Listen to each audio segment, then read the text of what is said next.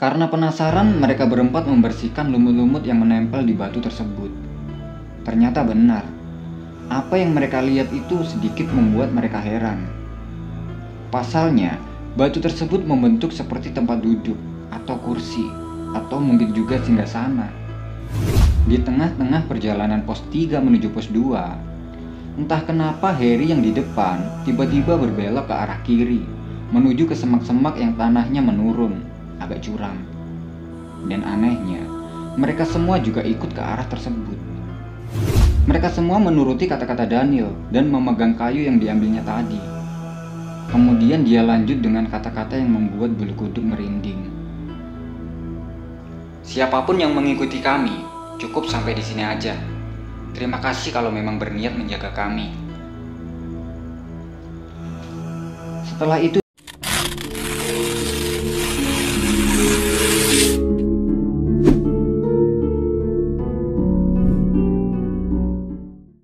Halo teman-teman, di mana pun kalian berada semoga tetap sehat selalu. Masih dengan gua Vidi.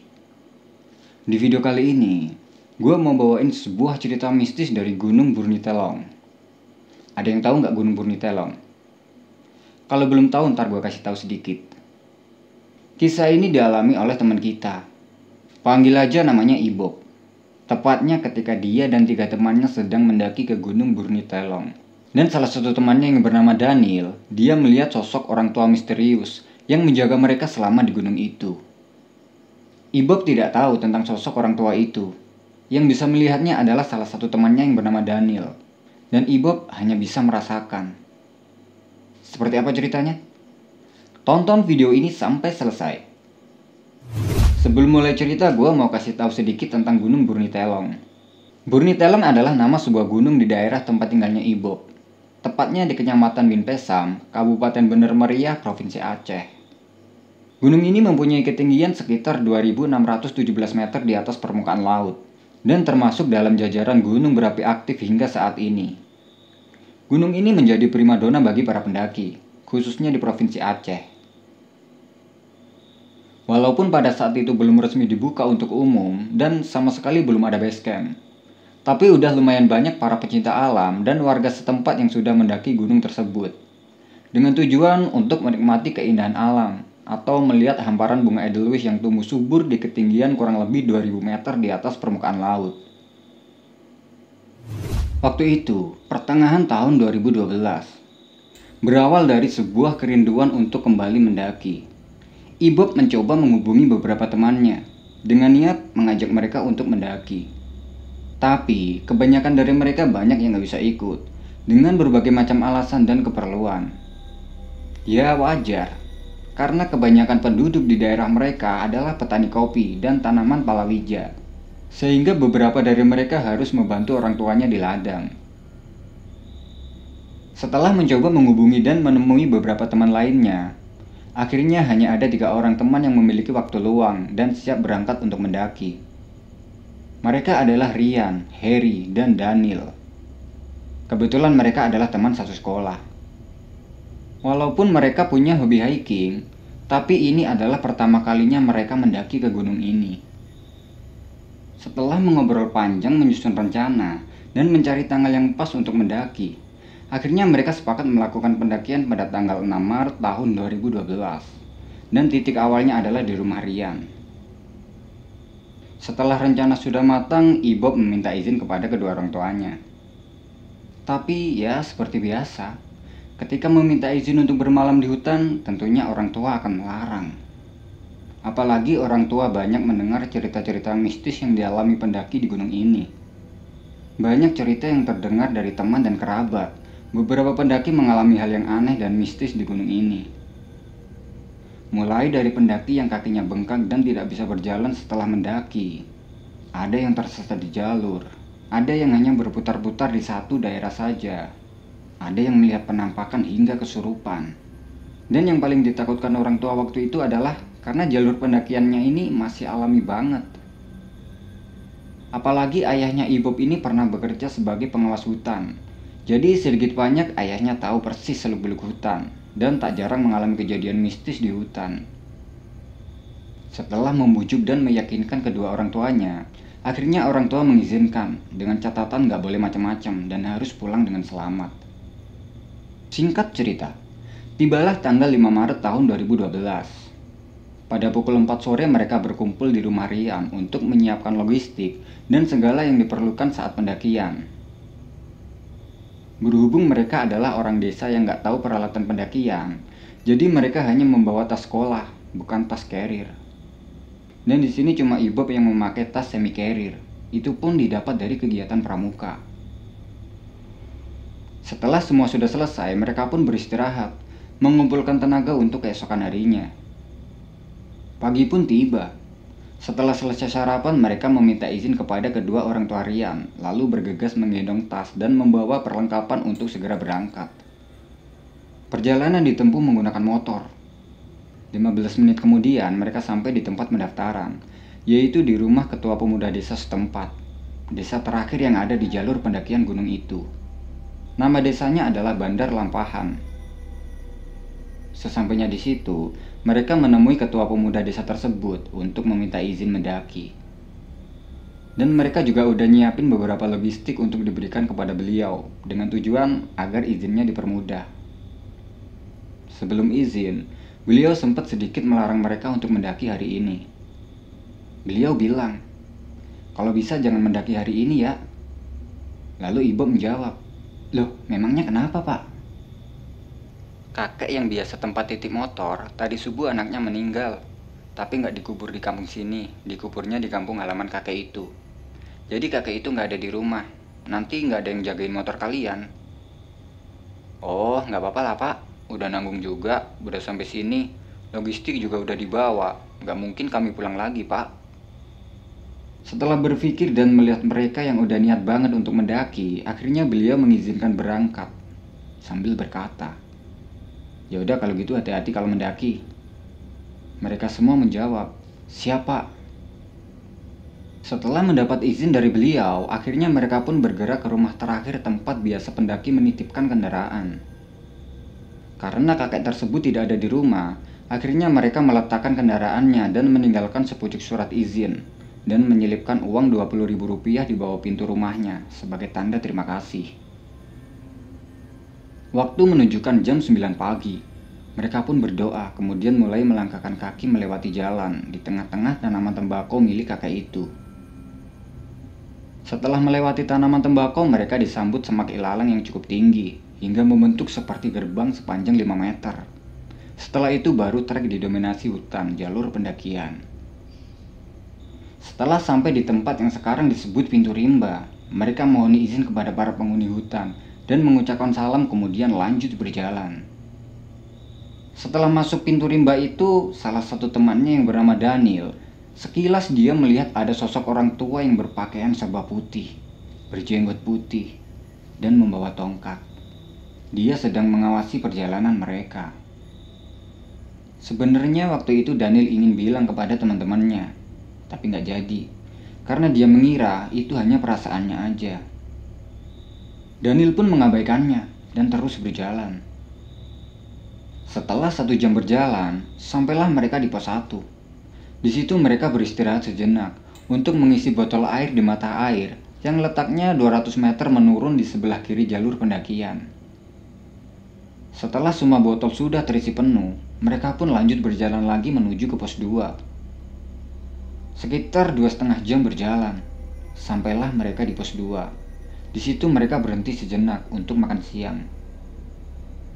Berhubung mereka sudah menyiapkan bekal makan siang, jadi waktu itu mereka tidak menghidupkan api dan menyantap bekal bawaannya itu. Setelah perut terisi dan tenaga sudah kembali pulih, Tiba-tiba udara dingin mulai terasa. Ibu pun mengeluarkan jaket dari dalam tasnya dan memakainya kemudian lanjut berjalan. Perjalanan dari pos 2 menuju pos 3, trek semakin curam dan licin. Hanya ada beberapa akar pohon yang menjadi pijakan dan pegangan untuk mendaki. Dengan susah payah berjalan, akhirnya mereka sampai di pos 3 pada jam 3 sore. Di situ mereka memutuskan untuk beristirahat sejenak, menyiapkan tenaga sebelum melanjutkan ke jalur pendakian yang semakin curam. Jadi selama perjalanan dari titik awal pendakian menuju pos 1, pos 1 menuju pos 2, pos 2 menuju pos 3, tidak ada kendala sama sekali dan aman. Dari pos 3 ini trek didominasi bebatuan dan curam, serta semak belukar yang berwarna hijau keputih-putihan sudah mulai terlihat, hingga membuat hati merasa senang dan ingin segera melanjutkan perjalanan. Di ketinggian sekitar 2300 sampai 2400, di situ ada semacam goa yang terbentuk karena longsoran batu besar hingga membentuk segitiga seperti goa. Goa itu bisa digunakan sebagai tempat bermalam pengganti tenda yang letaknya tidak jauh dari puncak. Karena waktu itu tidak ada pendaki, ya karena memang masih jarang ada pendaki waktu itu. Akhirnya mereka sepakat untuk bermalam di goa tersebut. Setelah setengah jam beristirahat, mereka kembali melanjutkan perjalanan. Dan di sinilah semua bermula. Ketika melangkahkan kaki keluar hutan, tiba-tiba Ibob merasa ada sedikit hawa yang berbeda. Dan ini belum pernah dia rasakan saat pendakian sebelumnya. Tapi dia mengabaikannya. Dalam hati bilang, Ah, mungkin hanya perasaanku aja. Kurang lebih setengah jam berjalan. Mereka beristirahat di sebuah tempat yang lumayan datar, tepat di antara hutan. Sambil duduk dan menikmati sebatang rokok, mereka melihat ada batu besar yang tertutup lumut dan beberapa tumbuhan gunung. Karena iseng Rian berkata, Le, kayaknya batunya ini aneh, kayak ada bentuknya. Le adalah panggilan mereka kepada Ibob. Sambil merokok, Ibob menjawab, Ah masa sih? Biasa aja itu. Karena penasaran, mereka berempat membersihkan lumut-lumut yang menempel di batu tersebut. Ternyata benar, apa yang mereka lihat itu sedikit membuat mereka heran. Pasalnya, batu tersebut membentuk seperti tempat duduk atau kursi, atau mungkin juga singgah sana. Ibu nggak mau berpikir aneh-aneh. Ya mungkin itu faktor alam yang membuat batu tersebut bisa berbentuk seperti itu. Karena keunikan batu tersebut, mereka menyempatkan bergaya dan mengambil beberapa foto menggunakan HP jadulnya. Setelah puas berfoto-foto di situ, mereka melanjutkan perjalanannya. Terus berjalan sambil menikmati keindahan alam yang ada. Dan sesekali mereka menyapa bunga edelweiss dan pohon bunga anggrek yang ada di jalur pendakian itu. Berhubung Ibob dan Harry ini adalah perokok, jadi mereka jalannya di belakang sambil menikmati satu dua batang rokok. Karena jalur pendakian terlihat jelas dan hanya ada satu jalur, Ibu mengizinkan Rian dan Daniel yang tidak merokok agar berada di depan dan menegaskan pada mereka berdua agar berjalan mengikuti jalurnya dan jangan keluar jalur atau ke arah mana pun. Sekitar pukul setengah enam sore, tiba-tiba kabut tipis berembus. Rintik-rintik air pun turun menemani langkah kaki mereka dan dari kejauhan goa sudah mulai terlihat. Daniel dan Rian yang berada di depan langsung bergegas menuju goa itu, sedangkan Ibob dan Harry tetap berjalan santai sambil menikmati rokoknya. Ketika jarak Ibob dan Harry sudah hampir mendekati goa, sekitar 150 meter di depannya. Dari tebing di depan goa, Terlihat Rian dengan baju berwarna putih dan berdiri memanggil Ibu dan Harry sambil melambaikan tangan. Woi, cepet sini lari. Kami sudah sampai. Ibu menyahut sambil mengacungkan jempolnya. Setelah memanggil, Rian kembali ke goa. Sesampainya di goa, Ibob kaget melihat Rian yang tiba-tiba udah ganti baju. Dia tanya ke Rian, Cepet banget kok ganti baju ya. Kan gak basah, ngapain ganti baju? Ko atau ke artinya adalah kamu dalam bahasa mereka sehari-hari. Kemudian Rian menjawab, Mana ada aku ganti baju? Dari bawah tadi bajuku ini. Tanya sama Daniel. Baju yang dipakai Rian waktu itu adalah baju lapangan yang berwarna kuning. Sontak Ibob terdiam. Dengan berbisik dia bertanya pada Harry. Ri, kau lihat kan tadi Rian manggil kita pakai baju warna putih semua? Sambil berbisik, Harry pun menjawab. Iya, aku lihat. Shh, jangan dibicarain. Kata Ibob sambil memegang pundaknya Harry. Lalu Harry coba mengalihkan pembicaraan mereka. Salah lihat kok itu, Le. Mungkin efek kecapean. Dengan perasaan was-was dan hati yang gak karuan, Ibob coba menjernihkan pikirannya. Kemudian dia membuat api unggun sebagai penghangat sekalian buat masak untuk makan malam. Hidangan makan malam pun sudah siap. Kemudian mereka makan. Setelah selesai makan, mereka menyeduh kopi untuk dinikmati sambil melihat keindahan alam yang terlihat jelas dari mulut goa. Malam itu mereka duduk di tebing di depan goa sambil menikmati kopi hangat dan menikmati beberapa cemilan. Tentunya dengan sebatang rokok kretek untuk pengusir hawa dingin. Karena saking asiknya menikmati pemandangan, Ibob lupa dengan apa yang dilihat sore tadi di tebing ini. Tidak lama kemudian kabut datang menutupi pandangan mereka, sehingga memaksa mereka untuk masuk ke dalam goa. Tapi setengah jam kemudian kabut hilang dan cuaca kembali cerah. Mereka pun kembali keluar dari goa untuk menikmati pemandangan lagi. Tapi kejadian yang sama terulang lagi. Ketika mereka sedang asik duduk di depan goa, tiba-tiba kabut kembali datang. Kejadian ini terulang sampai tiga kali. Dan yang ketiga kalinya, secara tidak sadar Ibob sempat menoleh ke arah kanan goa. Di ujung tebing, di situ dia melihat kayak ada sosok wanita yang berdiri di atas tebing. Tapi Ibob tidak menghiraukannya dan menganggap itu hanyalah halusinasi. Ibob memang sempat beberapa kali. Sekilas dia melihat sosok makhluk halus, entah itu di rumah, di kampung, atau di mana pun. Tapi dia tidak pernah menghiraukannya. Tapi di situ ibu merasa ada yang tidak beres. Jadi, waktu itu seakan-akan mereka dilarang untuk berada di luar goa. Bulu kudung mulai merinding. Dan kejadian tadi sore tiba-tiba terlintas di pikirannya. Sosok yang dilihat Ibob tadi menjadi pertanyaan di dalam hatinya. Karena merasa ada yang tidak beres, Ibob bilang ke teman-temannya untuk masuk ke dalam goa dan lekas tidur. Dengan alasan besok subuh mereka akan naik ke puncak buat dapetin sunrise. Di situ temannya yang bernama Daniel sedikit kecewa karena melihat gunung yang tertutup kabut. Tapi Ibob tetap meyakinkan kepada Daniel kalau besok pasti kabutnya udah hilang kok.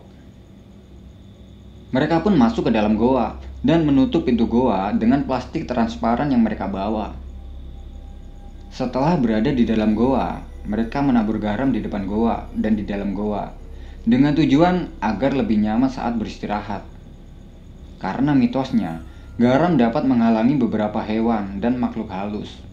Ya, walaupun itu hanya mitos, tapi sebagai orang desa, mereka hanya melakukan apa yang didengar dan dipercaya. Berhubung Ibob yang udah beberapa kali mendaki di gunung ini, jadi dia tidurnya paling pinggir. Jaraknya sekitar 1,5 meter dari mulut goa. Walaupun waktu itu hatinya merasa tidak karuan, tapi Ibob tetap memberanikan diri untuk tidur paling pinggir. Sebelum tidur, Ibob masih sempat bercerita dengan Daniel sambil sesekali menyeruput teh susu. Karena hari semakin larut dan mata udah mulai lengket, akhirnya Ibob memutuskan untuk tidur. Tidur lagi, Nil. Besok kesiangan ke puncaknya.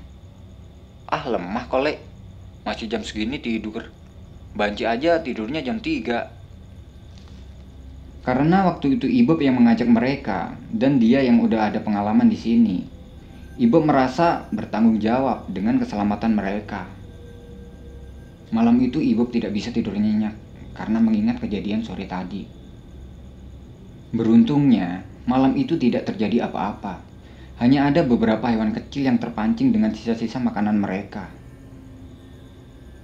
Subuh pun tiba. Ibu membangunkan mereka bertiga dan menyeduh kopi, serta mengisi perut dengan cemilan. Pukul 5 pagi mereka pun mulai berjalan ke puncak. Perjalanan dari goa ke puncak itu memakan waktu sekitar 30 menit. Walaupun jaraknya tidak terlalu jauh, tapi ini memang cukup menguras tenaga karena jalur dari goa ke puncak memang sangat terjal. Tapi setelah sampai di puncak semua itu terbayar lunas. sunrise menyapa dengan indahnya lautan awan yang membentang. Sayangnya waktu itu Ibu hanya memiliki HP jadul dengan bermodal kamera 2 megapiksel. Jadi, saat HP-nya udah rusak, filenya pun ikut hilang. Setelah beberapa jam di puncak dan menikmati pemandangan, mereka pun kembali ke goa. Waktu menunjukkan pukul 8 pagi. Mereka memasak sarapan, setelah itu packing. Bersih-bersih mengumpulkan sampah di sekitaran goa dari sisa-sisa mereka semalam untuk dibawa turun. Saat perjalanan pulang, tepatnya akan memasuki hutan, mereka disambut dengan suara beberapa kelompok monyet yang saling bersahutan satu sama lain dari sisi kanan hutan. Di sini, keanehan terjadi lagi, terutama pada Daniel yang terlihat pucat dan tidak berkata apa-apa. Ketika diajak berbicara, dia hanya menjawab dengan singkat. Karena melihat Daniel yang terlihat pucat, ibu bertanya, Kok kenapa, Nil? Gak apa-apa. Aman. Aman? Sakit Konil? Enggak, tenang aja kalian. Ibu merasa jelas ini ada yang salah. Karena Daniel bukan tipe orang pendiam. Tapi mereka tetap melanjutkan perjalanan dengan mengatur posisi barisan saat berjalan.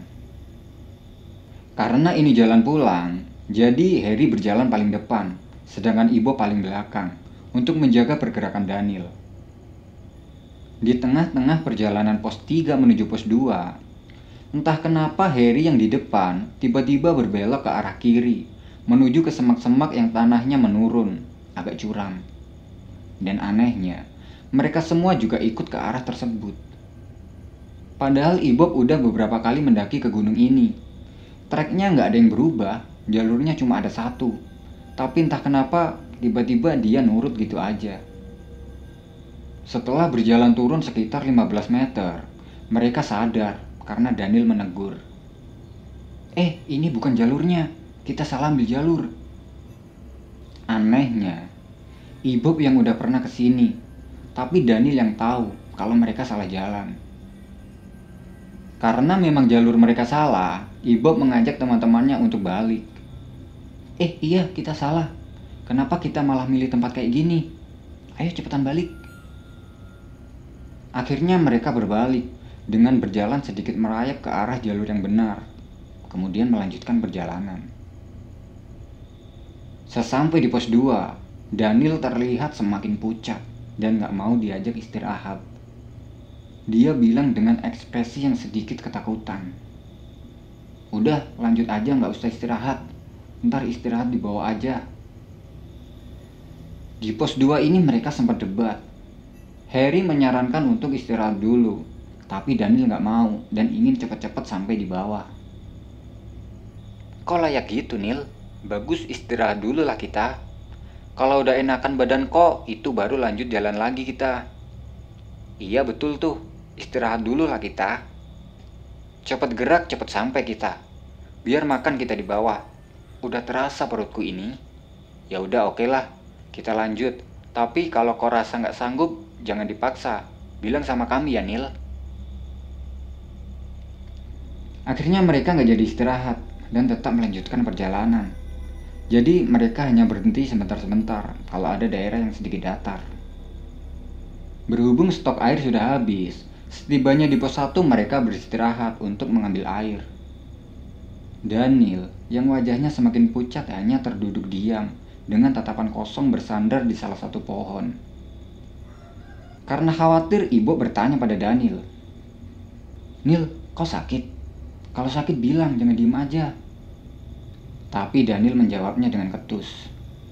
Enggak, udah ambil aja airnya cepat. Lalu Ibob turun untuk mengambil air, ditemani dengan Rian.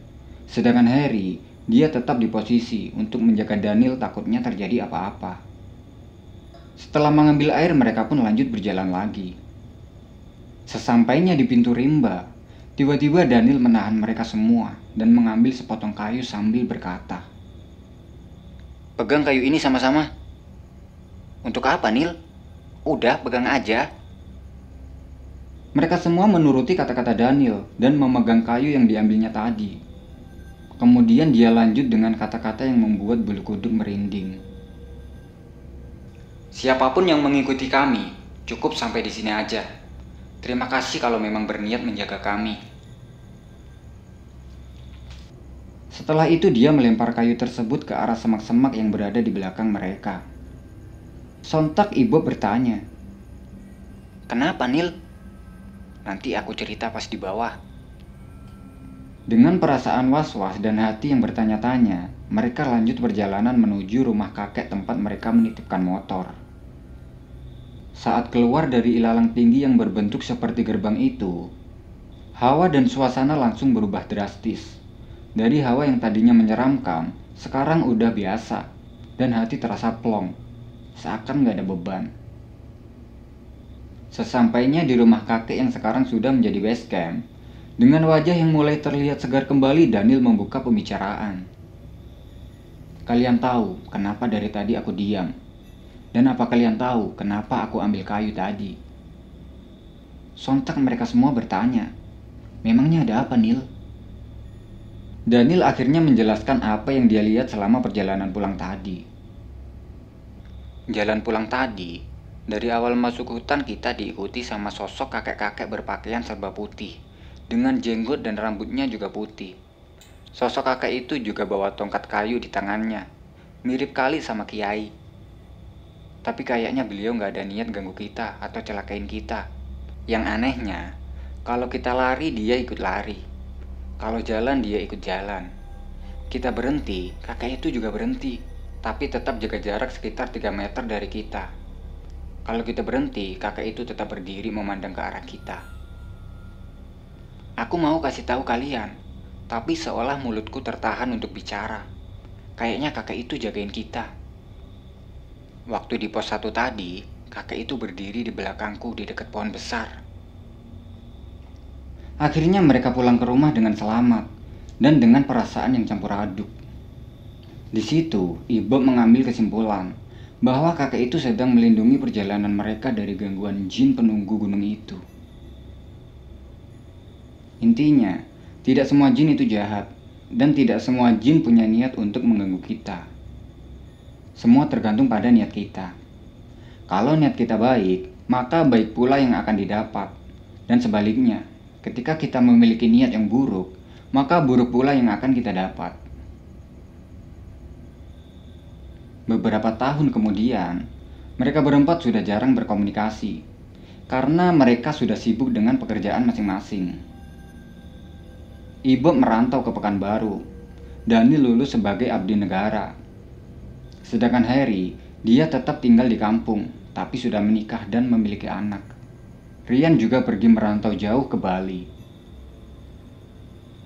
Bulan Juni tahun 2019, Ibu pulang kampung dan mendaki gunung yang sama dengan teman lainnya. Setelah tujuh tahun berlalu, suasananya sangat berbeda. Sekarang sudah dibuka untuk umum, dibangun base camp, sumber air sudah berpindah dari pos 1 ke pos 2, dan ada drum penampung air. Suasana sudah tidak sealami dulu lagi.